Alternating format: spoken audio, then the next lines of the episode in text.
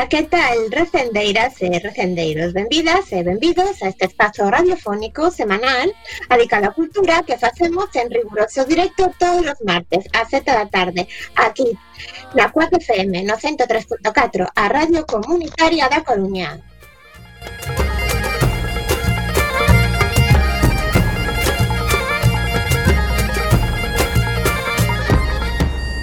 A Agrupación Cultural Alexandre Bóveda presenta este programa que podedes escoitar en directo a través da internet na páxina da emisora cuacfm.org barra directo e tamén na aplicación móvil. E se non chegaches a tempo, non tendes excusa, compañeiras e compañeiros. Podedes descargar todos os programas xa emitidos en Radioco, o mega podcast da nosa emisora, ou tamén podedes escoitalo na redifusión, que será os mércores ás 8 da mañán, os venres ás 16 horas e na madrugada os domingo ao luns ás 12 da noite. E a partir de agora seguídenos nas redes sociais tanto deste programa Recendo como da propia agrupación cultural Alexandre Bóveda que teñen abertas as súas canles en Instagram, Twitter e Facebook ou na web www.acealexandrebóveda.gal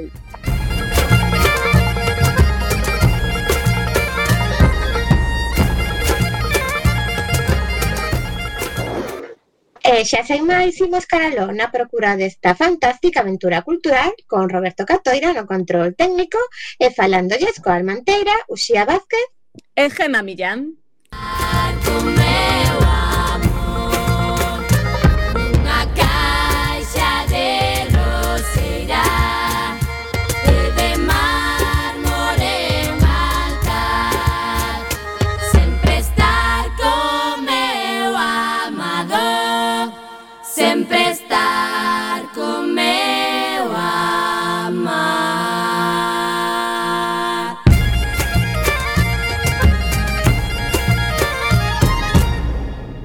programa número 364 contaremos como convidado con Antón Durán Morris, un dos actores galegos con trayectoria máis salientable do noso audiovisual. Música de hoxe. Rematamos a nosa homenaxe ao noso querido amigo Lino Braxe, falecido no recente día de Nadal. Hoxe escoitaremos algunhas cancións do seu segundo disco de Acaricia da Serpe, titulado O Sorriso do Diaño e publicado no ano 2007. Imos a presentar xa a primeira peza de hoxe, titulada Negra Sombra, unha curiosa mestura entre Rosalía de Castro e Bob Marley.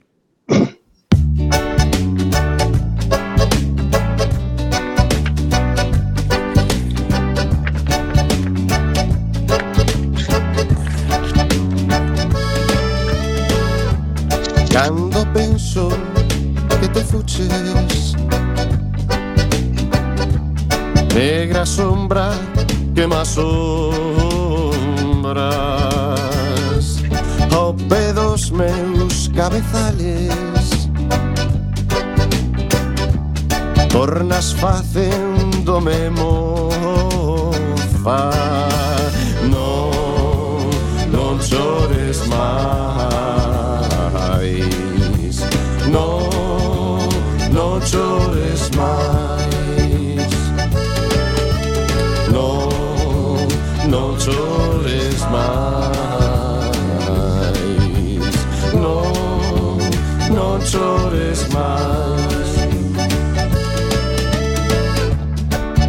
más inoquesidad. No mesmo sol temamos tras y esa estrella que brilla y eso vento que soy.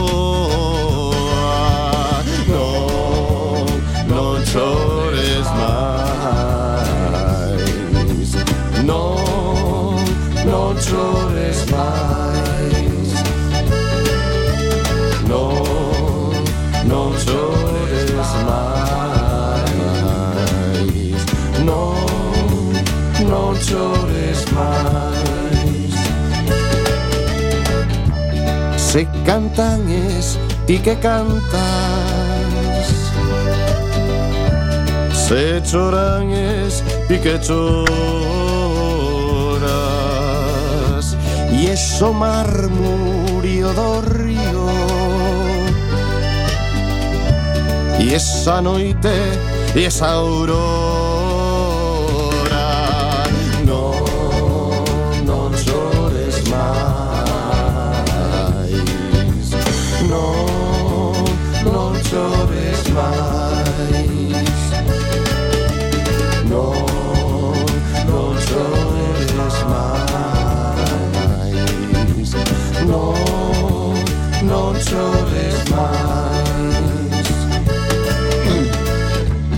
En todo estás e ti es todo. Pra min e min mesma moras Ni me abandonarás nunca. Sombra que sempre más sombras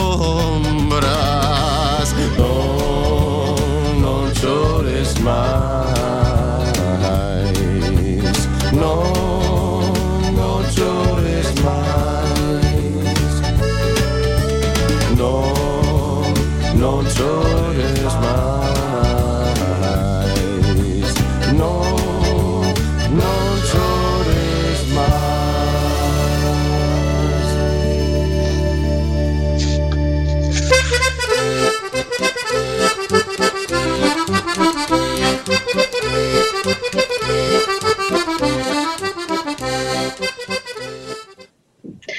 Por mor das novas restriccións sanitarias, hoxe non temos as sempre valoradas axendas recendeiras de eventos culturais da semana. Se queredes contactar coa Asociación Cultural Alexandre Bóvoda, o noso mail é a cab.mundo-r.com. A nosa ben surtida web está en www.acealexandrebóveda.gal e dende ali mesmo podedes acceder tamén a calquera das nosas canles nas redes sociais, concretamente Facebook, Twitter, Instagram e Youtube. E agora pasamos directamente á sección de poesía galega, a cargo de Gema Millán.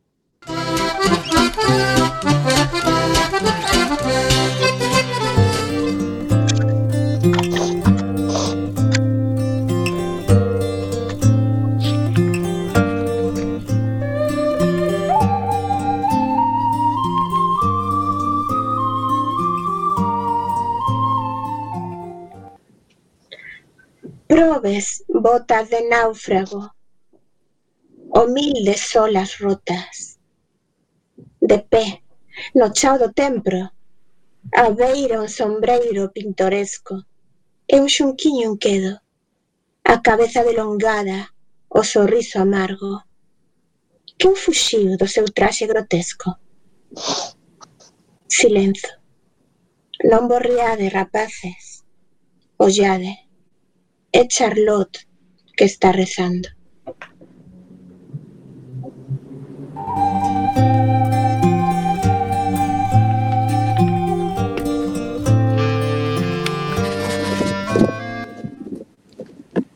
Acabades de escoitar o poema de Luis Pimentel titulado Coa grafía do guion entre interrogantes extraído do seu poemario titulado Triscos, publicado no ano 1950.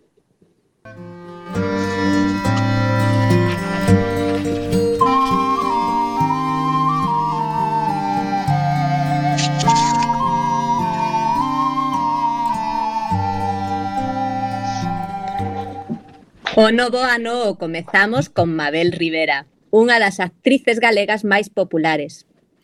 Hoxe, dúas semanas despois, contamos coa presenza dun compañeiro seu en pratos combinados.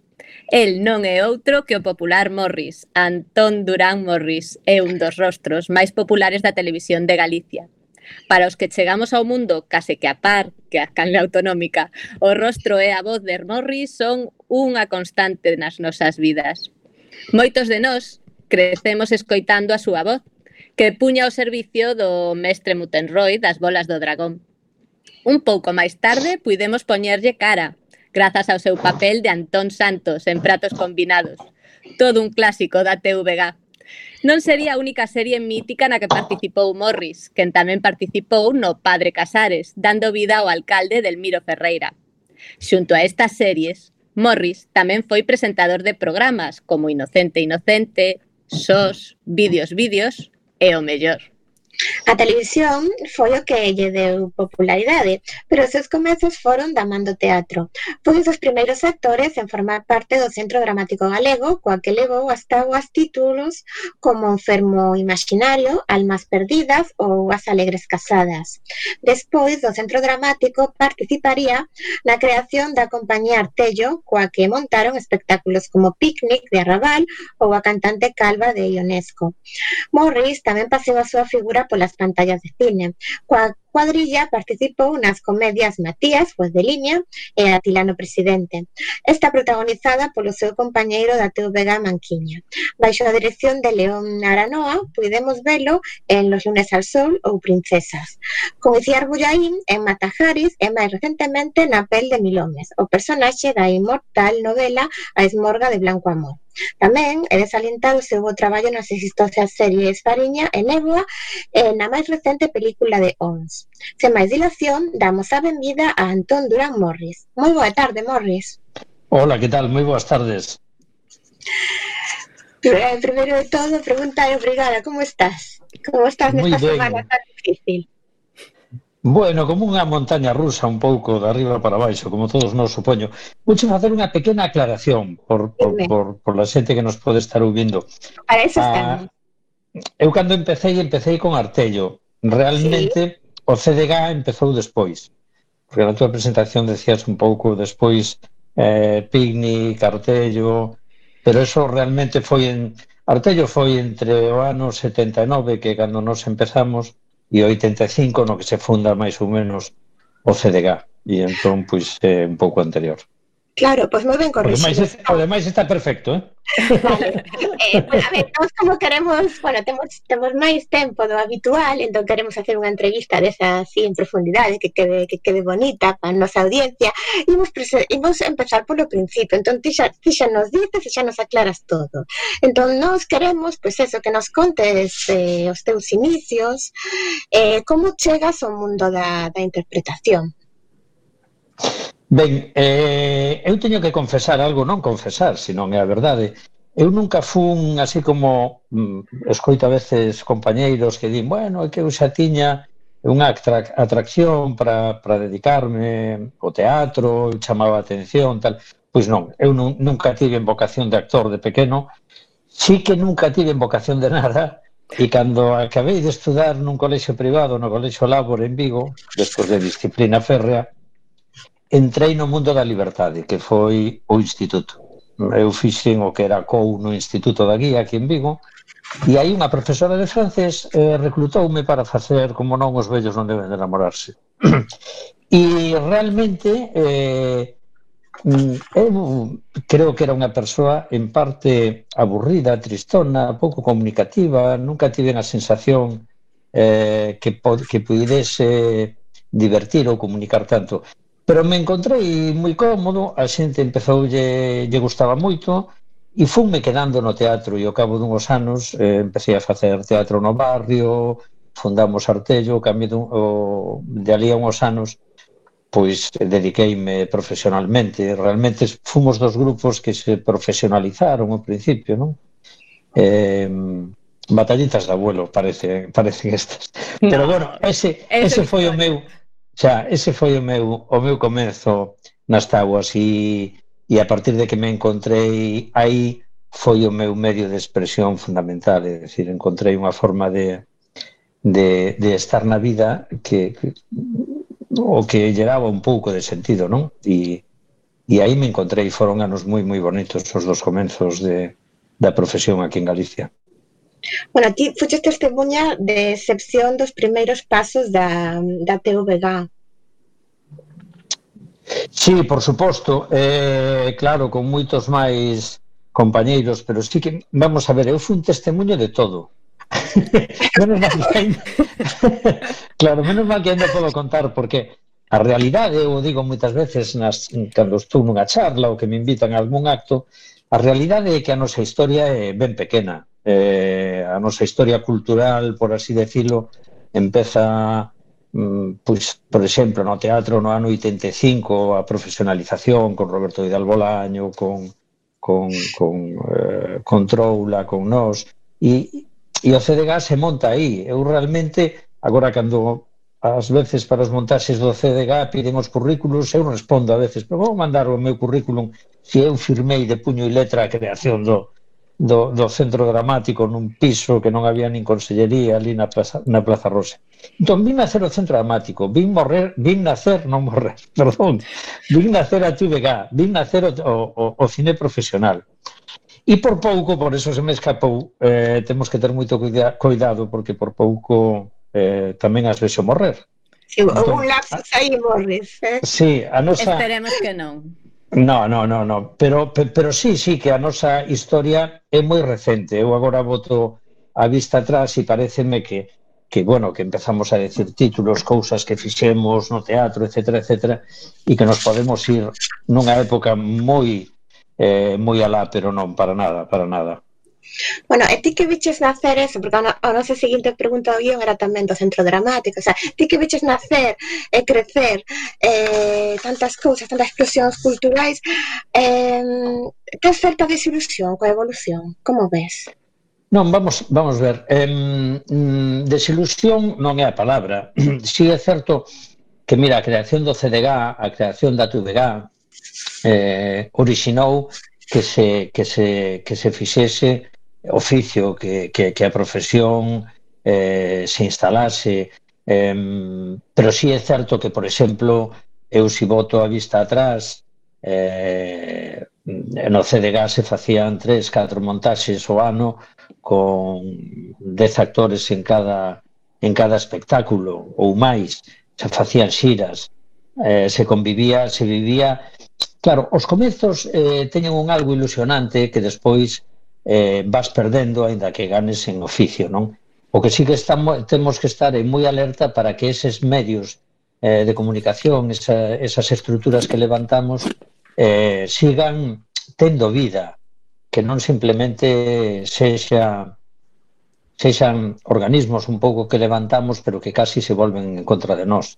O centro dramático estivo moitos anos parado, para min é a miña casa, a Atividad pois gozou da gracias á ficción eh, eu creo que foi un unha das cousas que máis eh, comunión tuvo co público pois eh, gozou dunha popularidade e dunha fidelidade eh, total.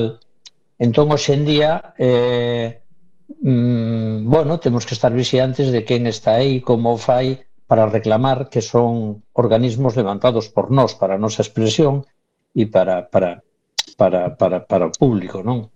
Que moitas veces se nos olvida e pensamos que son medios alleos, que xa non están nas mans. O Centro Dramático se montou porque xentes como a min, como a Lino Brásido, que poñía desa a, a, a canción antes, como pai de agora non me dou conta como tuto do teu nome, perdóname. Uxía, uxía. Uxía. Pois como moitos de nós exiximos no seu momento, porque antes de que se crease o CDG eh, ou de que se crease a TVG, moitos moita xente do mundo da farándula se profesionalizou e se aventurou nun tipo de vida onde todo era moi inseguro Pero a base de, pelega, de pelexar por iso eh, se montaron estructuras máis ou menos que respondían ás necesidades. No sei un momento, enrolleme, enrolleme moito. Os principios no, no, no. para resumir, sí, os principios para resumir sempre son moi ilusionantes, pero en todo, na carreira de calquera eh, actor, director, eh, profesional, cámara, crear a TVG nun principio era unha ilusión tremenda, crear o CDG igual, eh, Eh, despois hai que pelexar, pois igual que se faz unha serie hai que pelexar por deixar de pertencer o mundo do funcionariado e estar quesitos para arriba, quesitos para baixo, audiencias para aquí, audiencias para lá, e manter esos medios vivos. Creo que do que se trata e aí está a dificultade. E falas desta proliferación anterior ás institucións como Centro Dramático mm, e a TVG das compañías, bueno, que fundachedes vos como Artello. Houve unha proliferación sí. nun momento xusto. Ti, ti, por que crees que se deu esta explosión teatral? Bueno, nun principio, vamos a ver, nun principio, eh, claro, nun principio era un teatro de resistencia, porque o teatro independiente era en toda España. En toda España existía eh, o teatro independiente e en Galicia eu creo que un dos pais aquí da, da creación de todo foi Roberto Vidal Bolaño, que foi o primeiro que decidiu, porque eu era moi novo eh, nos tiñamos unha sala de teatro en Vigo, eh, queríamos facer teatro, nos divertíamos muitísimo con elo, pero Roberto, por exemplo, foi un señor que traballaba na banca, que o deixou a propósito, que se profesionalizou, apareceron a labor da Escola Dramática Galega aí en Coruña, de Manuel Lourenzo, de moitísima, de moitísima xente, non? Entón, digamos que non houve unha proliferación de grupos, eso se eso se deu despois coas estructuras que temos, das subvencións, de que o CDG tampouco dá traballo e que entón todo o mundo se ten das subvencións, o digo en plan ben, que son as axudas que teñen que existir, vamos, eu non o dudo uh -huh. en absoluto, igual que si existen noutra, noutras industrias, non? Pero, digamos, eh, que, que cada vez a xente se viu máis necesitada a formar compañías propias en precario casi e acceder a un circuito que non dá abasto para todos, non? Xa. En Artello eh, traballachedes con textos eh, surrealistas, falábamos de Ionesco ou Arrabal. Por que, por que o vosso interese nese tipo de autores naquel momento?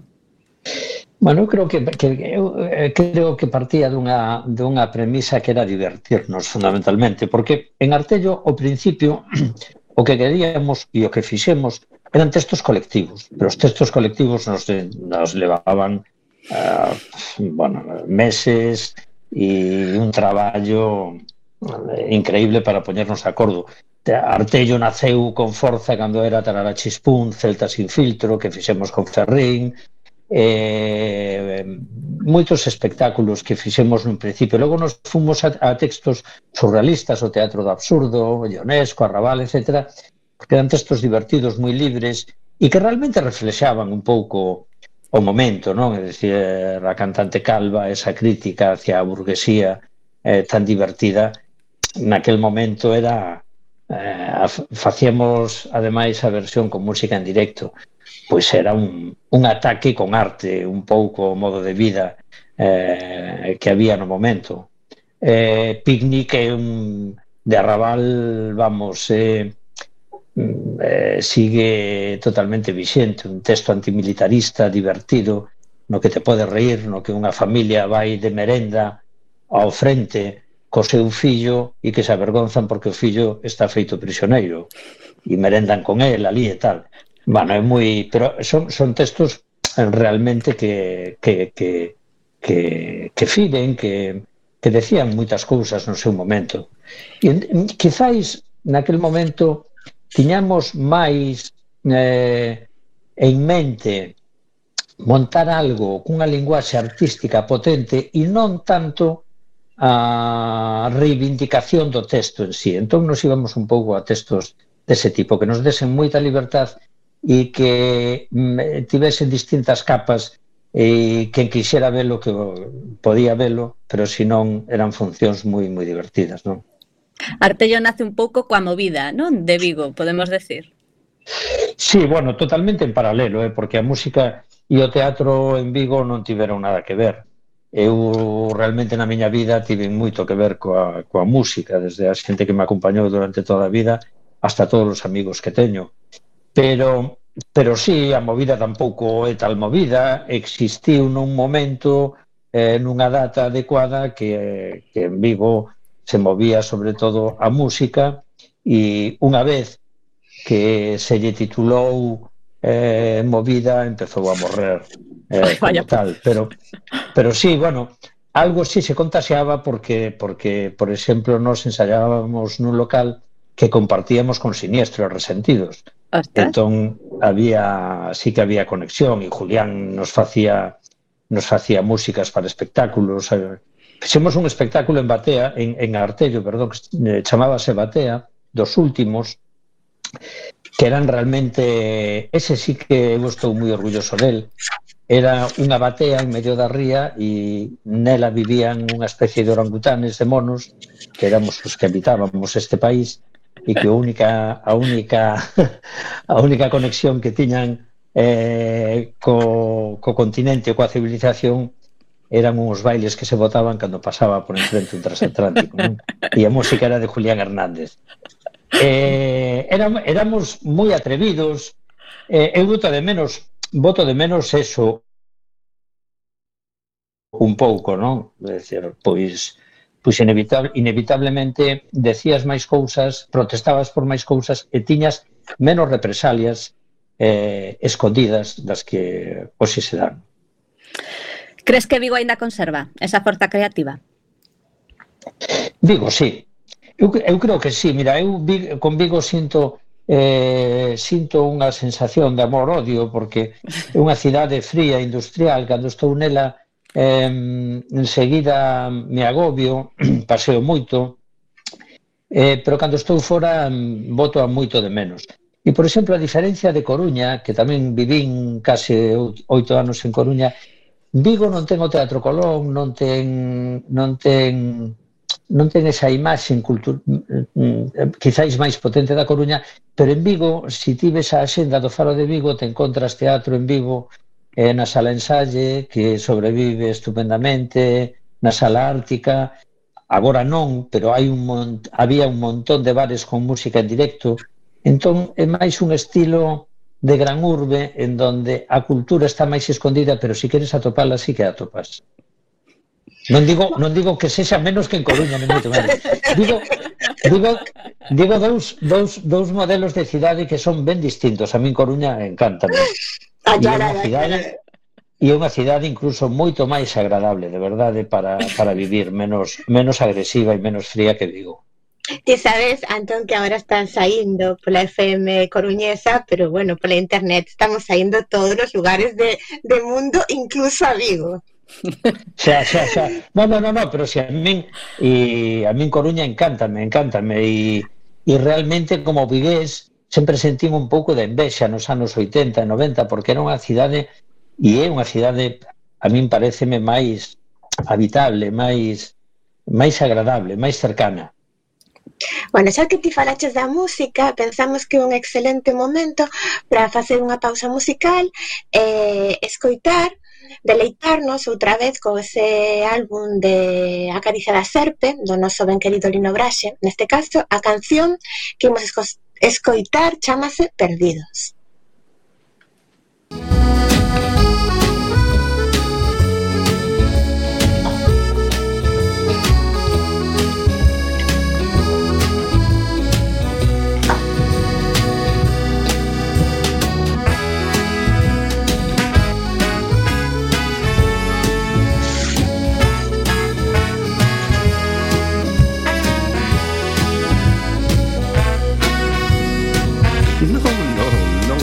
sorrie e que simplemente non vos vexa.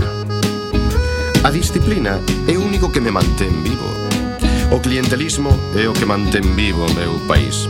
O se non toca suicidarse por estes miserables. A paisaxe da miña terra aproximame a cirrose. Non se seamos lerdos. Eles sempre apostaron polo carto.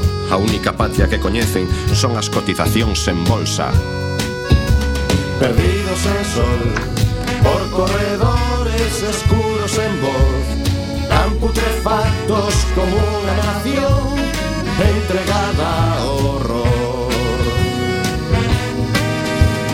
Como animales disecados imos acabar, engullidos pola luz do ramal, como estatuas de sal.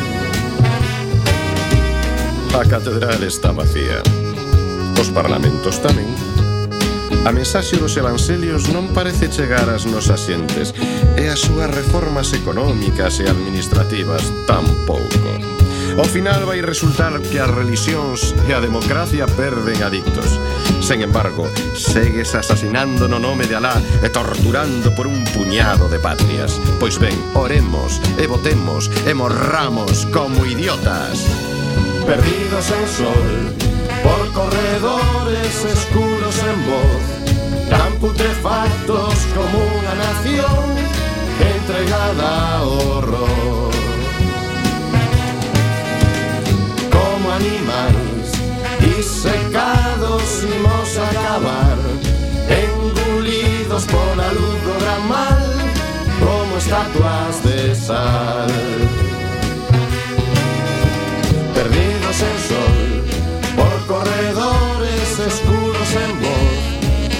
putrefactos como una nación entregada a horror. Eh, seguimos aquí na FM Coruñesa falando co ben querido actor Morris. Eh, imos, bueno, a conversa moi interesante. Imos eh, intentar avanzar un pouquiño no tempo E como xa avanzamos no, na presentación Pois tiveches o, o placer tamén de traballar en series tan exitosas como Fariña, en producións e películas como Princesas, Los lunes al sol. Fálanos un pouco desta incursión túa no audiovisual, xa non galego, senón estatal. Bueno, realmente eu creo que Fariña foi unha incursión de Antena 3 no audiovisual galego, que foi que foi tamén, case, tamén se case ao revés, non? Eh, Fariña eu creo que estaba un pouco destinada a, a que mm, mm saíse moi ben. Era unha proposta, bueno, feita por Bambú, que eu non sei porque acabou en más de Antena 3, pero realmente con Carlos Edes de director, eu recordo cando iban, eh, iban empezar a facer o casting, que eu eh, os chamaba, mandaba fotos continuamente con Iglesias, que estaba encargada do casting e eu sabía que únicamente podería facer a Charlín. E estaba realmente entusiasmado e nervioso con que, con que me desen esa posibilidade. Hai que pensar que toda a xente que fixemos Fariña na televisión eh, mm, coñecemos, ou case todos, coñecemos esa época na rúa. Tiñamos todas as tiñamos todas a, os datos eh, dos personaxes. Eh, aquí hai unha profesión eh, e unha calidade actoral impresionante en Galicia. Despois, eu creo que unha das grandes eh, un dos grandes éxitos foi que non la deixasen facer eh, dende aquí, porque, bueno, tamén as cadenas generalistas tiveron que buscar eh, o seu oco eh, dentro desta nova eh, realidade onde están as plataformas, non, non la deixasen facer sin meter man nelo.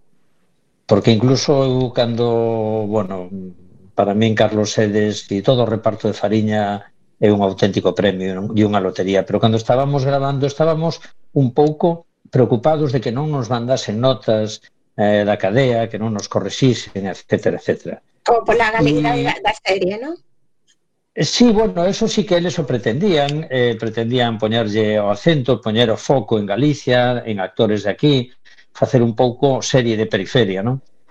Pero que pero sobre o resultado que iban que iban eh, que ian vendo non nos non nos mandaban notas. E eu creo que eh, non nos sentíamos, eh, por así decir, dicilo viciados. E eu creo que entre eso e o vou facer de todo o equipo, se, o relato de Nacho Carretero eh, do libro se conseguiu eh, pois se conseguiu unha serie moi cercana e moi creíble. E por primeira vez, con, con, con ese acento e con eses profesionais que viñan da periferia, moi creíble para toda España, que era un pouco polo que estábamos todos acojonados, por así decirlo, porque sabíamos que como, como profesión non la xogábamos como imaxe conxunta nese momento, non? E saiu todo moi ben. Isto que hai da estereotipa, que tamén que se lle, bueno, se lle achacou a, mm, a serio, non sei se para ben ou para mal, é de uf, outra crítica tamén de, bueno, xa sabes, como de romantizar unha etapa pois moi dura do mm, da vida en Galicia, tal, tes algunha opinión sobre sobre isto ti como Bueno, vamos a ver, eu que eu si sí, teño unha opinión. Eu creo, bueno, Fariña eh, en principio o relato un pouco de Nacho dos feitos. E e que ademais bebe de, de, de traballos de moitos periodistas distintos, non? E, e realmente Fariña non é unha serie sobre o mundo da droga. Fariña é un retrato de, dun momento de, e dunha época. E realmente o que ten máis forza de Fariña é o flashback de onde salen os personaxes ata ata a Operación Nécora. Realmente, se se quixese facer eh, unha unha serie sobre o mundo da droga eh, sería ben distinta, por suposto. E nos meteríamos de outro modo eh, nos personaxes e nos papeles. Pero nin eles, personalmente, tiveron, tiveron que ver os feitos, pero pero nin eles estiveron metidos eh, nese mundo e cando aparecen cando aparece Carmen Avendaño, etc., aparecen, mm, que eu a coñezo personalmente, aparecen no retrato do momento no ano, no ano que teñen que, que aparecer, pero eh, realmente eh, Fariña eu penso que, que, que responde a un retrato eh, eh, coral eh, e de época do momento daqueles personaxes e conta un pouco de onde salía Sito Miñanco, que era o protagonista que ao fin e ao cabo era fillo dun furtivo decir, ten toda a súa parte romántica non romántica, decir, frente calquera, calquera personaxe malvado que ti fagas eh, vai ter unha parte moi atractiva para o espectador. Eh, pasa en todas as series, pasa en todos os guións, pasa, pasa sempre eh, eh, con estes produtos. Mm, eu non creo que puxésemos o foco eh, na parte romántica. Charlín non tiña ninguna parte romántica. Sito Miñanco sí que, sí que a pode ter, porque Sito Miñanco sigue tendo a, a día de hoxe en toda a zona, e quizás en todo o país Pero non era, non era unha serie para desvelar eso e eu penso, eu penso que o retrato é un retrato surrealista do momento porque sí que o foi. É dicir, os feitos que se narran aí, o suizo, tal como foi, as actitudes desos personaxes realmente parecen novelescos e parecen inventados, pero un pode irse ás imágenes e realmente eh, son así. Entón... E o gran éxito da ambientación musical tamén, que a mí pareceume todo un, todo un ah. acerto tamén. Claro, eso, eso foi un regalo da vida, porque claro, eu, joder, eh, con 60 anos case, 59, me ofrecen facer o retrato de Charlín, que, que no sei un momento que se narra na, na serie é o momento eh, que se corresponde coa idade da miña vida, tendo todos os recordos e poñéndome toda a música, ademais que eu escoitei no seu momento na rúa na que detenían, detiñan a todos estes señores, realmente era como, como un regalo. Eu creo que aí sí que o fixeron, eh, sí que o fixeron moi ben e, e home, eu creo que non sei, eh, non sei, un pode encontrar o romanticismo en miles de cousas e pode encontrar o drama en outras eh, moitísimas cousas. Todo depende con que ollos queras mirar, queras, eh, que, queiras miralo, non? Eu creo sí, sí, no, que bastante... claro, nos queríamos saber a túa opinión ao respecto, porque sabes que foi unha das cousas que, de, de entre todas, de que se, de, bueno, de que se comentara e tal. Penso que ten un xía unha pregunta tamén moi interesante. Sí, pero a, a, de princesas. De princesas tes dito que foi para ti unha segunda oportunidade. Hmm. A que te referías con isto? A ver, o de princesas foi un pouco increíble porque, claro, eu viña de fa... eu estaba facendo pratos combinados, entón traballei con Fernando eh, facendo aquel banqueiro nos luns o sol. Me fixen moi, moi amigo, me entendo moi ben, son moi amigo de Fernando, moi amigo del, e me parece un director e un artista bueno, acojonante. Entón, eh, despois, el me chama e me di que vai a facer un casting para, para, para princesas, para ese personaxe tan malvado, eh, bueno, tan extraño que facía eu, non? E entón eu recordo que tiña como dous finalistas e, e un era como Enrique Guillén, creo que este actor vasco que ten un ollo eh, bueno, a xente darase conta de quen é. E, e claro, eu co meu físico lle digo a Fernando, joder, pero este personaxe eu non sei se o darei, porque claro, é dicir, co meu físico, coa miña uh, pinta, coa miña forza, con eh, estar nunha habitación onde acabas de pegar de unha paliza a protagonista e ele me decía, bueno, é que teño dúas versións. Realmente os actores seríades ti ou el. El, se, el, el, el respondería a un maltratador eh, prototipo físico e mental e ti serías un adicto eh, enfermo ao sexo que é un pouco por onde se levou o meu personaxe. E realmente eu o que digo sempre é que tiven que interpretar moi pouco.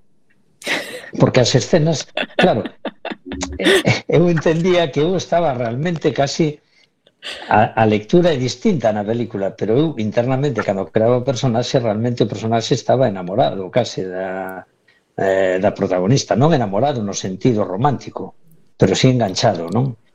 E E, e, realmente non me, sei que, que isto que estou dicindo é eh, difícil de entender, pero os procesos para quen interpreta algo e o resultado que despois se ve para o espectador son totalmente distintos, non? Entón eu traballei moito con el esa historia do enganche, da adicción ao sexo e como enfermedade, non como maltratador eh, por así que, que, que, no, que, que como consecuencia o era, pero non como unha primeira primeira mm, sensación del, sino como consecuencia do seu da súa adicción, non? Eh, fuches mm, sempre máis ben un home de comedia, pero pouco a pouco foron che dando máis oportunidades cos dramas. Por que ti crees que tivo que pasar tanto tempo para que che deran Pois pues mira, eso é curioso, dramáticos? porque Claro, eso é moi curioso, tamén o conto moitas veces.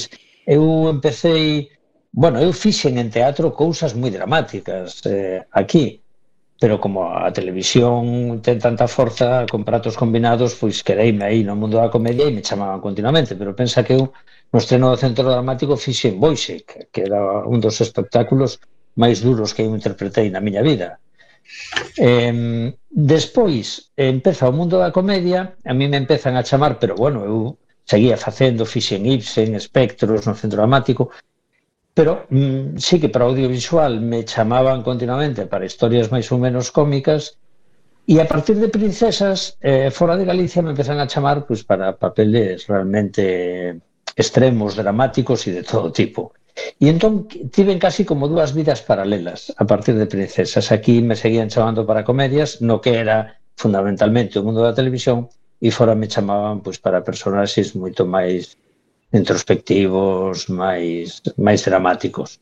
Despois aquí se deu, que tamén é unha casualidade, eh, eu acabo as series, porque todo ten, todo ten un, unha causa efecto, é dicir, eu non estou arrepentido de nada, pero tamén é certo que me pasei 19 anos facendo 19 anos facendo protagonistas aquí de comedias na, na televisión de Galicia.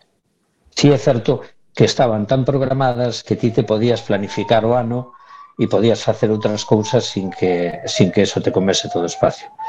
Pero unha vez que acabo con esas series, empezas a dar outra imaxe de min e me empezan, como xa non estaba presente a imaxe nas series, nas series, nas series, e me empezan a ofrecer, pois, por exemplo, cousas como Doentes, que é unha maravilla, eh, unha, a primeira adaptación de un, de un texto de Roberto Vidal Bolaño feita por bueno, pois pues agora non me, non me sale o nome por, me, por, un, por un director venezolano con Filmanova ¿no?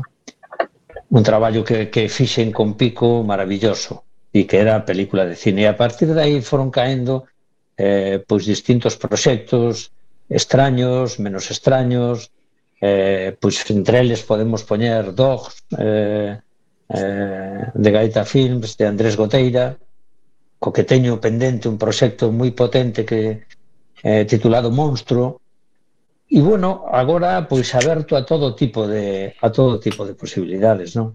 E con Pero, que bueno, te sentes máis cómodo?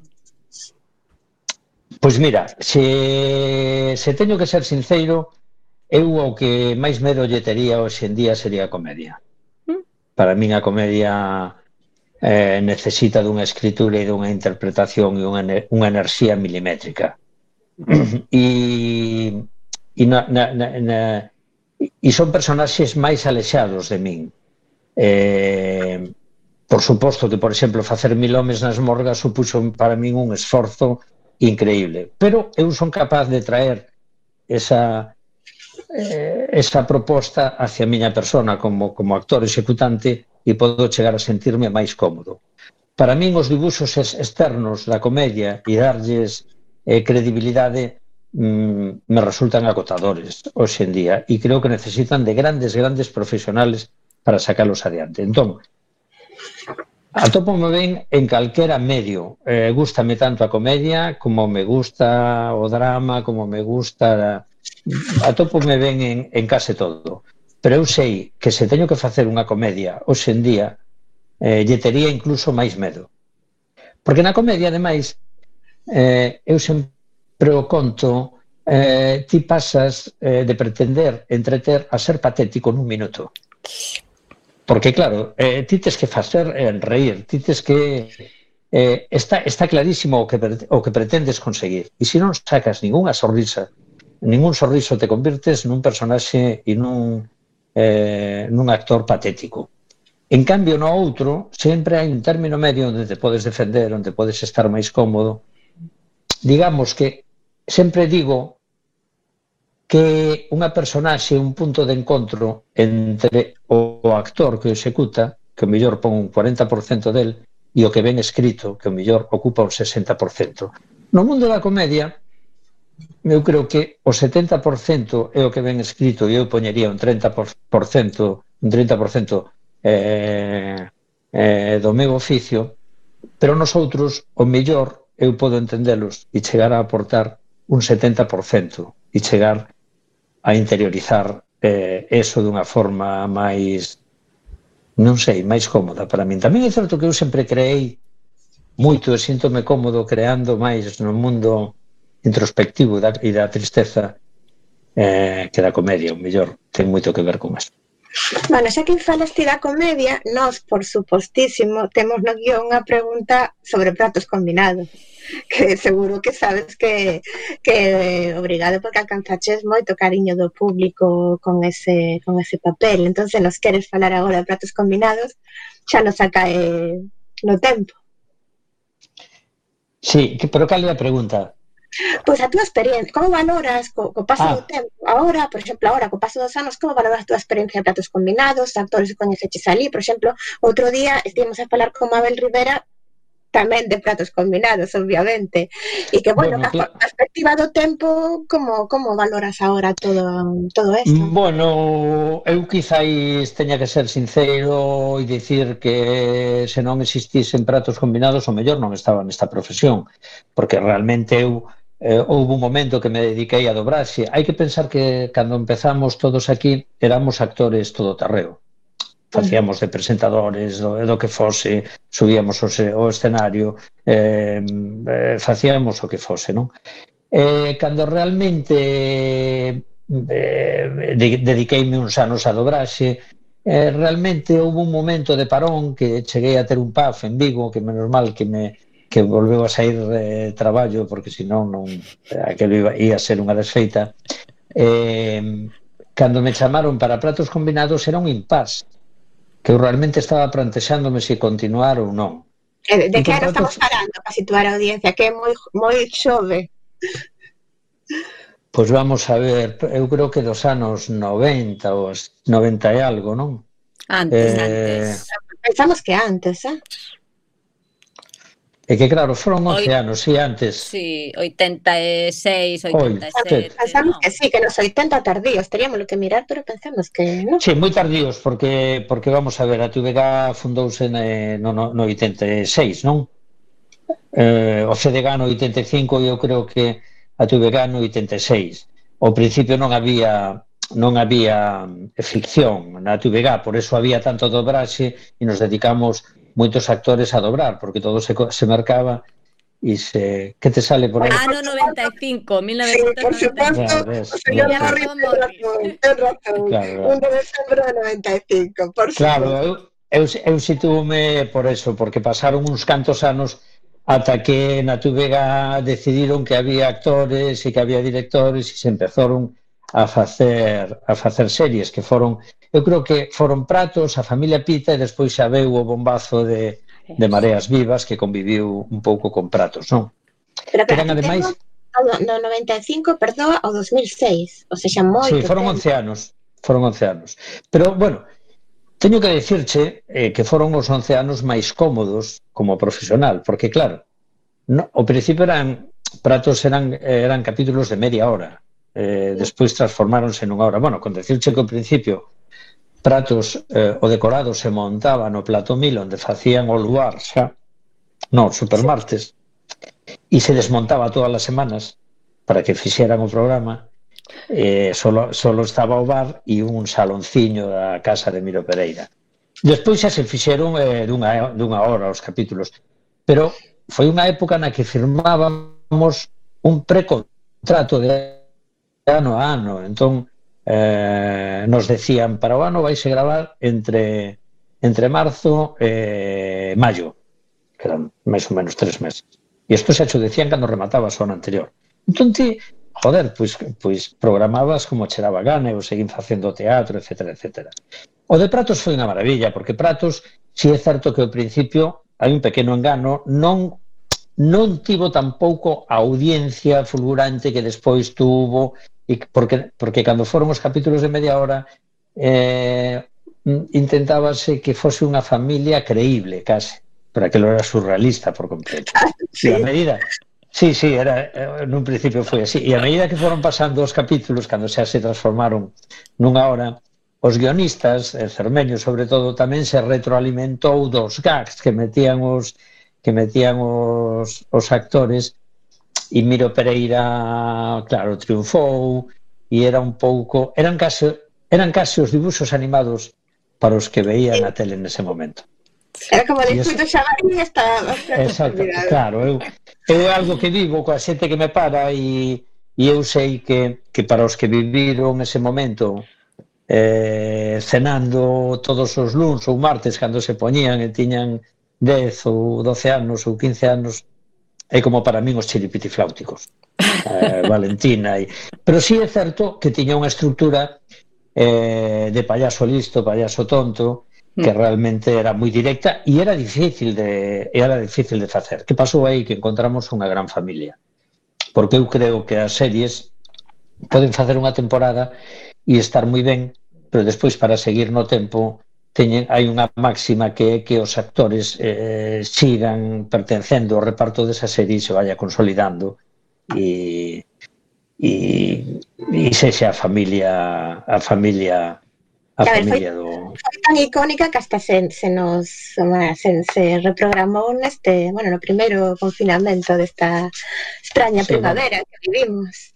O de Pratos foi increíble. O de Pratos que a nos, nos gestionan os dereitos unha sociedade chamada ISGE houbo anos, porque reprogramaban tanto e emitían tanto que no, non vou falar de cifras, pero os actores non nos facemos millonarios, nin muitísimo menos cos dereitos de imaxe, podo asegurarcho.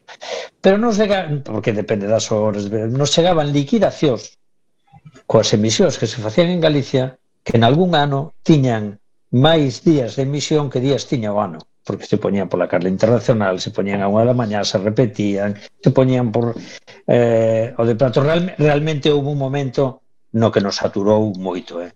a xente que estábamos que estábamos dentro. E Ernesto Chao, mm, teño que dicir eh, na súa memoria que que rematou con 61 anos a idade que teño eu, porque si sí recordo perfectamente que entrou con 50 saliu con 61 e meteuse de cheo, creou unha compañía de teatro e volveu a subir as tablas e a dar o mellor de sí para un pouco eh, volver a ter vida propia e reivindicarse a sí mismo, non?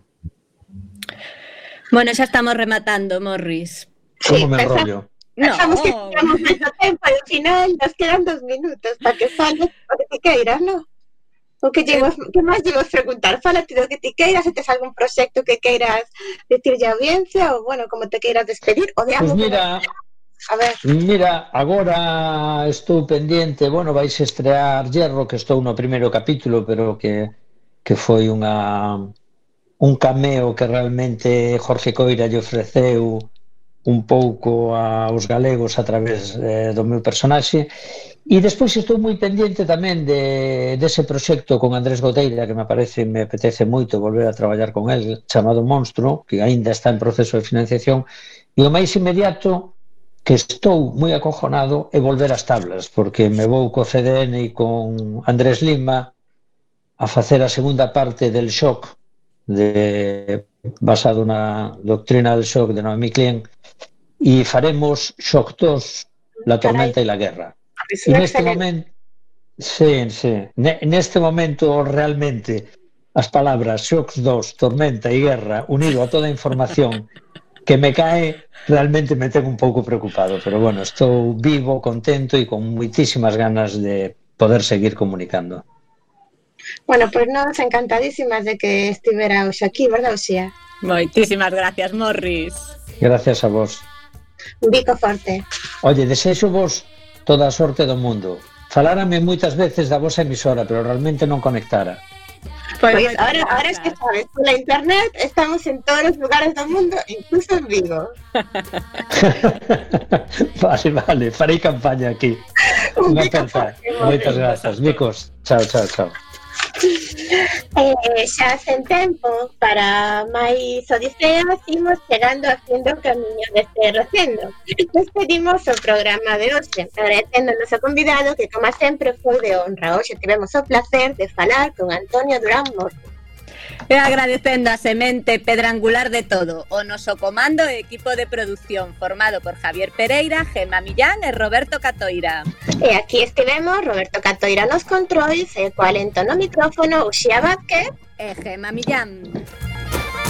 Cando a vida se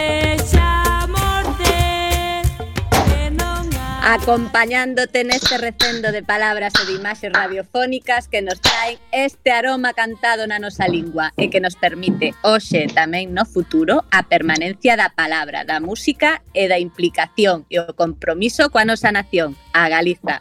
Ate o vindeiro martes a 7 da tarde en directo nesta emisora coa FM da Coruña. Xa sabedes, recendo as mil primaveras que terá o noso idioma. Meu amador siempre.